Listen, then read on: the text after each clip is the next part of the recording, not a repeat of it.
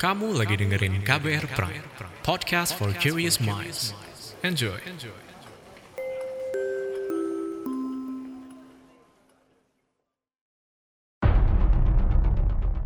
Siapa nih yang suka nontonin turnamen olahraga? Kalau nonton konser? Nah, pas nih. Kalau seneng olahraga, berarti tim Don. Kalau konser, berarti tim Ines.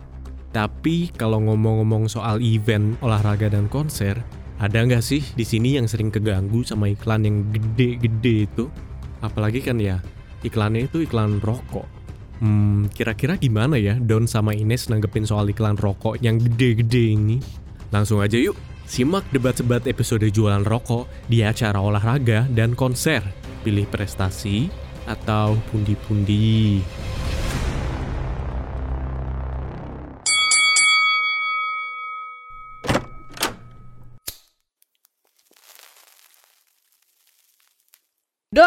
Nonton yuk.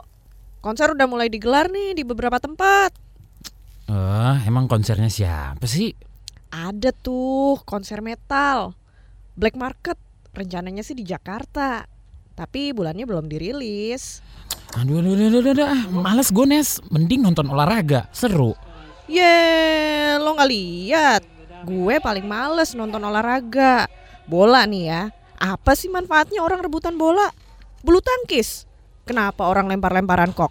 Ya, lagian gue malesnya nonton konser tuh. Orangnya pada ngerokok. Terus yang di dalam juga jualan rokok, iklan rokok di mana-mana. Ini nonton konser atau nonton parade rokok sih? Ye, berapa persen sih itu tampilan rokok di sana? Yang ada lu bisa refreshing, buang penat abis kerja seminggu full. Enggak, enggak, enggak ah. Rada males gue kalau nonton konser. Lagian, nanti kalau pada ngerokok, terus pandemi ini kan nggak hilang nih. Pada buka masker soalnya, pada ngudut. Bahaya cuy. Ya lo menjauh lah. Lagian soal sponsor, di gelaran olahraga kan kadang masih ada iklan rokoknya. Sponsor utama lagi. Weh, Hmm, ya juga ya. Tapi tetap aja masih aman nonton olahraga. Nyatanya, PON udah digelar. Aman. Sama aja. Udah nggak usah ngelak. Aduh, ya iya deh, ya deh. Kita coba aja kali ya ngobrol sama Cikal Ardina Sari, doi anak muda yang peduli sama kesehatan dan tentu menolak rokok. Lembaganya namanya Komunitas Pemuda Penggerak. Keren kan? Ya elah, Don, Don.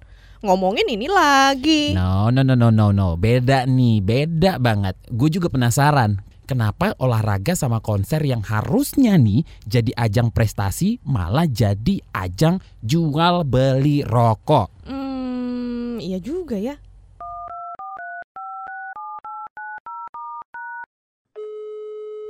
Halo Cikal, gimana kabar? Halo Kak Don, Kak Ines. Alhamdulillah kabarnya baik nih. Cikal, gue langsung aja nih mau nanya. Kalau dilihat-lihat saat konser atau gelaran olahraga nih, kayaknya kok susah banget ya, terlepas dari sponsor rokok. Kalau lu ngelihatnya gimana? Ya bener banget Kak. Eh, Sebenarnya sedih dan juga kayak gemes gitu ya. Eh, apalagi kalau misal melihat konser dan juga olahraga itu kan eh, seleranya anak muda ya Kak ya. Yang jadi persoalan itu sengaja anak muda ini dijadikan target sama industri gitu.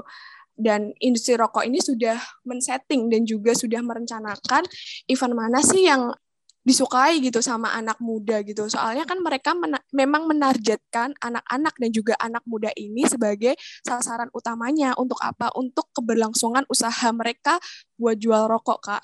Jadi uh, Hmm, anak oke. muda itu banyak yang nggak nyadar kalau semisal uh, mereka itu sebenarnya dijadikan target oleh industri rokok gitu. Nah, padahal kan semua sudah ada aturannya juga kan ya. Terus soal penerapan PP 109 soal promosi dan iklan rokok dalam kegiatan anak muda itu gimana? Kalau untuk aturan dari PP 109 tahun 2012 itu soal promosi, sponsor dan juga iklan dalam kegiatan anak muda itu belum dilarang, Kak. Makanya kenapa industri itu masih leluasa menjalankan usaha mereka untuk mentargetkan uh, anak-anak atau anak muda gitu. Karena karena itu kita perlu mendesak uh, adanya revisi PP 109 tahun 2012 yang salah satu ketegasannya itu uh, melarang iklan promosi dan sponsor rokok. Karena ini sudah meresahkan ya kak ya. Soalnya kita melihat uh, prevalensi perokok anak itu terus meningkat gitu. Dan kita bisa melihat dari data Riskesdas uh, tahun 2018 prevalensi perokok anak itu naik dari 7,2 persen pada tahun 2013 menjadi 9,1 persen pada 2018 dan itu jumlahnya jauh lebih tinggi dari target uh, rencana pembangunan jangka menengah nasional yakni 5,4 persen kak. Dan kalau tidak ada intervensi yang berarti, Bappenas itu memperkirakan uh, prevalensi terus uh, prevalensi tersebut itu akan terus meningkat uh, di tahun 2030 itu mencapai 15,9 persen. Ngeri ya kak ya. Wah, belum dilarang ya ternyata. Kacau nih lama-lama. Tinggi banget ya dampaknya kalau nggak dicegah. Iya, tinggi banget kalau semisal kita nggak ada intervensi yang berarti untuk uh, mencegah prevalensi perokok anak ini yang terus meningkat, Kak. Tapi menurut gue nggak fair ya. Karena kan memang jual beli itu dibolehkan itu juga bisa masuk kok ke kas negara lewat pajak dan lain-lain. Itu dia Kak yang uh, di masyarakat itu yang masih sangat kental uh, sehingga mereka itu membela industri rokok. Pertama, kalau ngomongin uh, soal rokok, itu termasuk dalam zat adiktif gitu. Di dalam Undang-Undang Perlindungan Anak Nomor 35 Tahun 2014 tentang perubahan Undang-Undang Nomor 23 Tahun 2002 uh, disebutkan bahwa anak dengan zat adiktif uh, termasuk dalam kategori perlindungan khusus. Yang artinya harus ada upaya negara untuk melindungi anak-anak dari uh, dengan berbagai kebijakan perlindungan anak dari rokok. Ini untuk menjawab uh, prevalensi perokok anak yang meningkat ya kak ya. Dan yang kedua perlu digarisbawahi Kak Ines bahwa uh, produk yang dijual belikan ini adalah produk yang tidak normal di mana peredarannya itu uh, perlu dikendalikan gitu. Melalui apa? Melalui cukai atau pajak dosa. Dan kita nggak perlu sungkan untuk uh, menerima. Justru perlu ada uh, kenaikan cukai ini. Untuk apa? Untuk mengendalikan peredarannya. Untuk menanggulangi uh, kerugian akibat perilaku merokok ini dan banyak juga yang berdalih bahwa rokok ini bisa meningkatkan uh, pajak ya kak ya atau pemasukan negara bertambah. Tapi kak faktanya uh, riset dari CISDI uh, rokok ini membebankan negara sebesar 27,7 triliun dan ini uh, tidak sebanding dengan uh, dana bagi hasil cukai hasil tembakau DBHCHT yang hanya mencapai 7,4 triliun gitu. Yang artinya apakah uh, beban negara ini lebih besar dibanding dengan dana yang diperoleh dari cukai rokok gitu sih Kak. No, dengerin tuh Nes. Ada pajak dosa, terus rokok itu membebani negara. Nah, gue ada bukti kalau sebenarnya perhelatan akbar seperti olahraga tanpa sponsor rokok itu malah sudah mulai diterapkan. Contoh di Australia nih.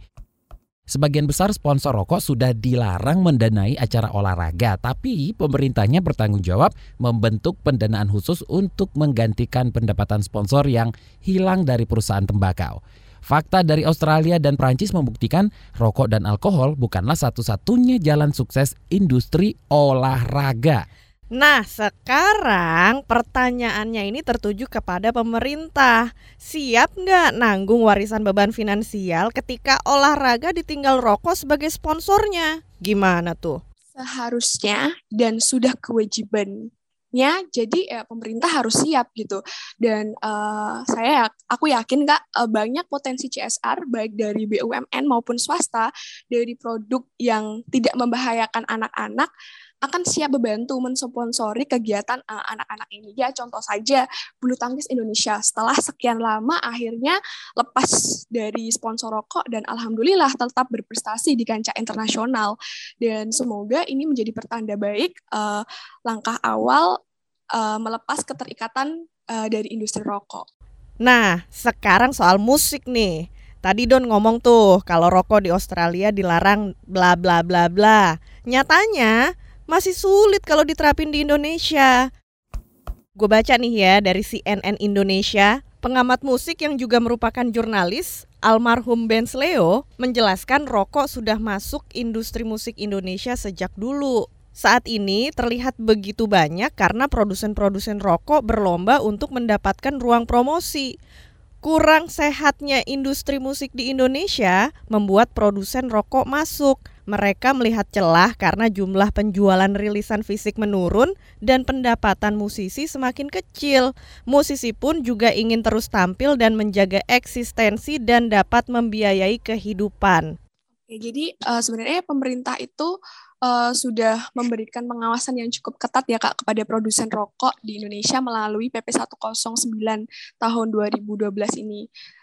Sebenarnya sudah diatur uh, iklan dan promosi rokoknya seperti pada pasal 24 ayat 1 yang berbunyi uh, setiap produsen dilarang mencantumkan keterangan atau tanda apa pun yang menyesatkan atau kata-kata yang bersifat promotif. Nah, pembatasan promosi rokok ini bukan hanya dari produsen rokok Kak, melainkan juga dari beberapa media yang dapat mempromosikan rokok. Uh, dan juga larangan ini berlaku untuk acara televisi seperti film, sinetron, dan juga beberapa acara lain. Namun uh, peraturan ini tuh belum berhasil gitu membendung uh, produsen rokok. Jadi mereka tuh berdalih ke media lain untuk promosi. Salah satunya musik dan uh, produsen rokok ini masuk ke industri musik Indonesia dengan cara yang halus ya, yang nggak secara gamblang tapi uh, mereka uh, melalui uh, logo uh, warna-warna yang identik dengan rokok gitu dan bahkan ada salah satu produsen rokok yang memang intens mengadakan acara musik ini untuk uh, menampilkan uh, musisi yang hits yang uh, sehingga banyak pengunjung yang datang dan juga masuk ke dalam jebakannya ini gitu.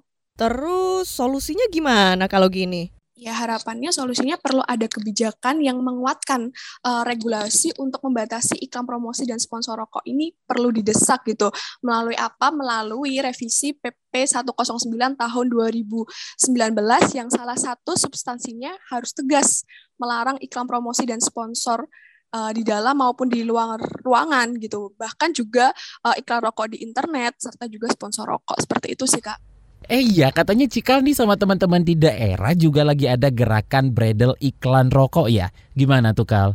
Kami dari Pemuda Penggerak itu bekerja berkolaborasi dengan Yayasan Kakak dan juga Forum Anak di tiga kota kabupaten, uh, Sragen, Solo dan juga Karanganyar.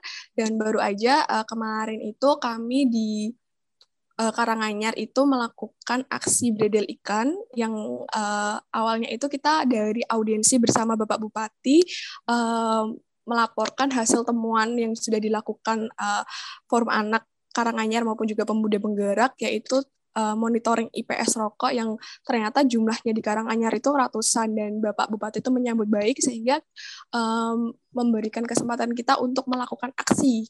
Nah, tercetuslah aksi uh, bredel ikan itu di Karanganyar. Dan juga kemarin kami uh, di Sragen juga baru saja melakukan uh, audiensi juga bersama Bupati Sragen uh, untuk melaporkan hasil monitoring yang sudah ditemukan oleh Forum Anak Sragen dan hasilnya juga sama ratusan temuan iklan uh, rokok yang mereka temukan gitu. Dan mereka baru sadar bahwa ternyata banyak banget ya iklan rokok di sekitar mereka gitu. Dan kalau di Solo kami baru saja juga uh, melakukan uh, festival karya keren tanpa rokok gitu. Dengan mengundang uh, berbagai elemen masyarakat, organisasi, uh, pemerintah seperti itu sih kak. Wah, thanks ya Kal. Harapannya semoga industri kreatif olahraga pokoknya yang berbau prestasi itu bisa bener-bener deh lepas dari rokok apa pun kondisinya. Oke, thanks ya. Uh, terima kasih Kak Ines dan juga Kak Don. Kak Ines harapannya untuk berhenti merokok karena mendapat udara yang bersih itu adalah hak asasi manusia. Thanks ya. Bye.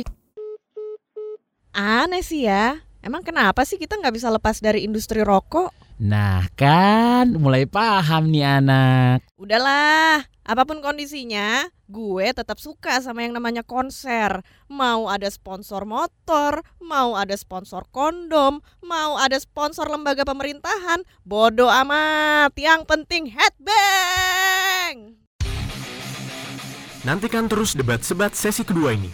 Kalau kamu punya saran atau komentar Langsung email di podcast at kbrprime.id Jangan lupa ikuti terus update podcast ini di Instagram kbr.id dan Twitter at berita KBR.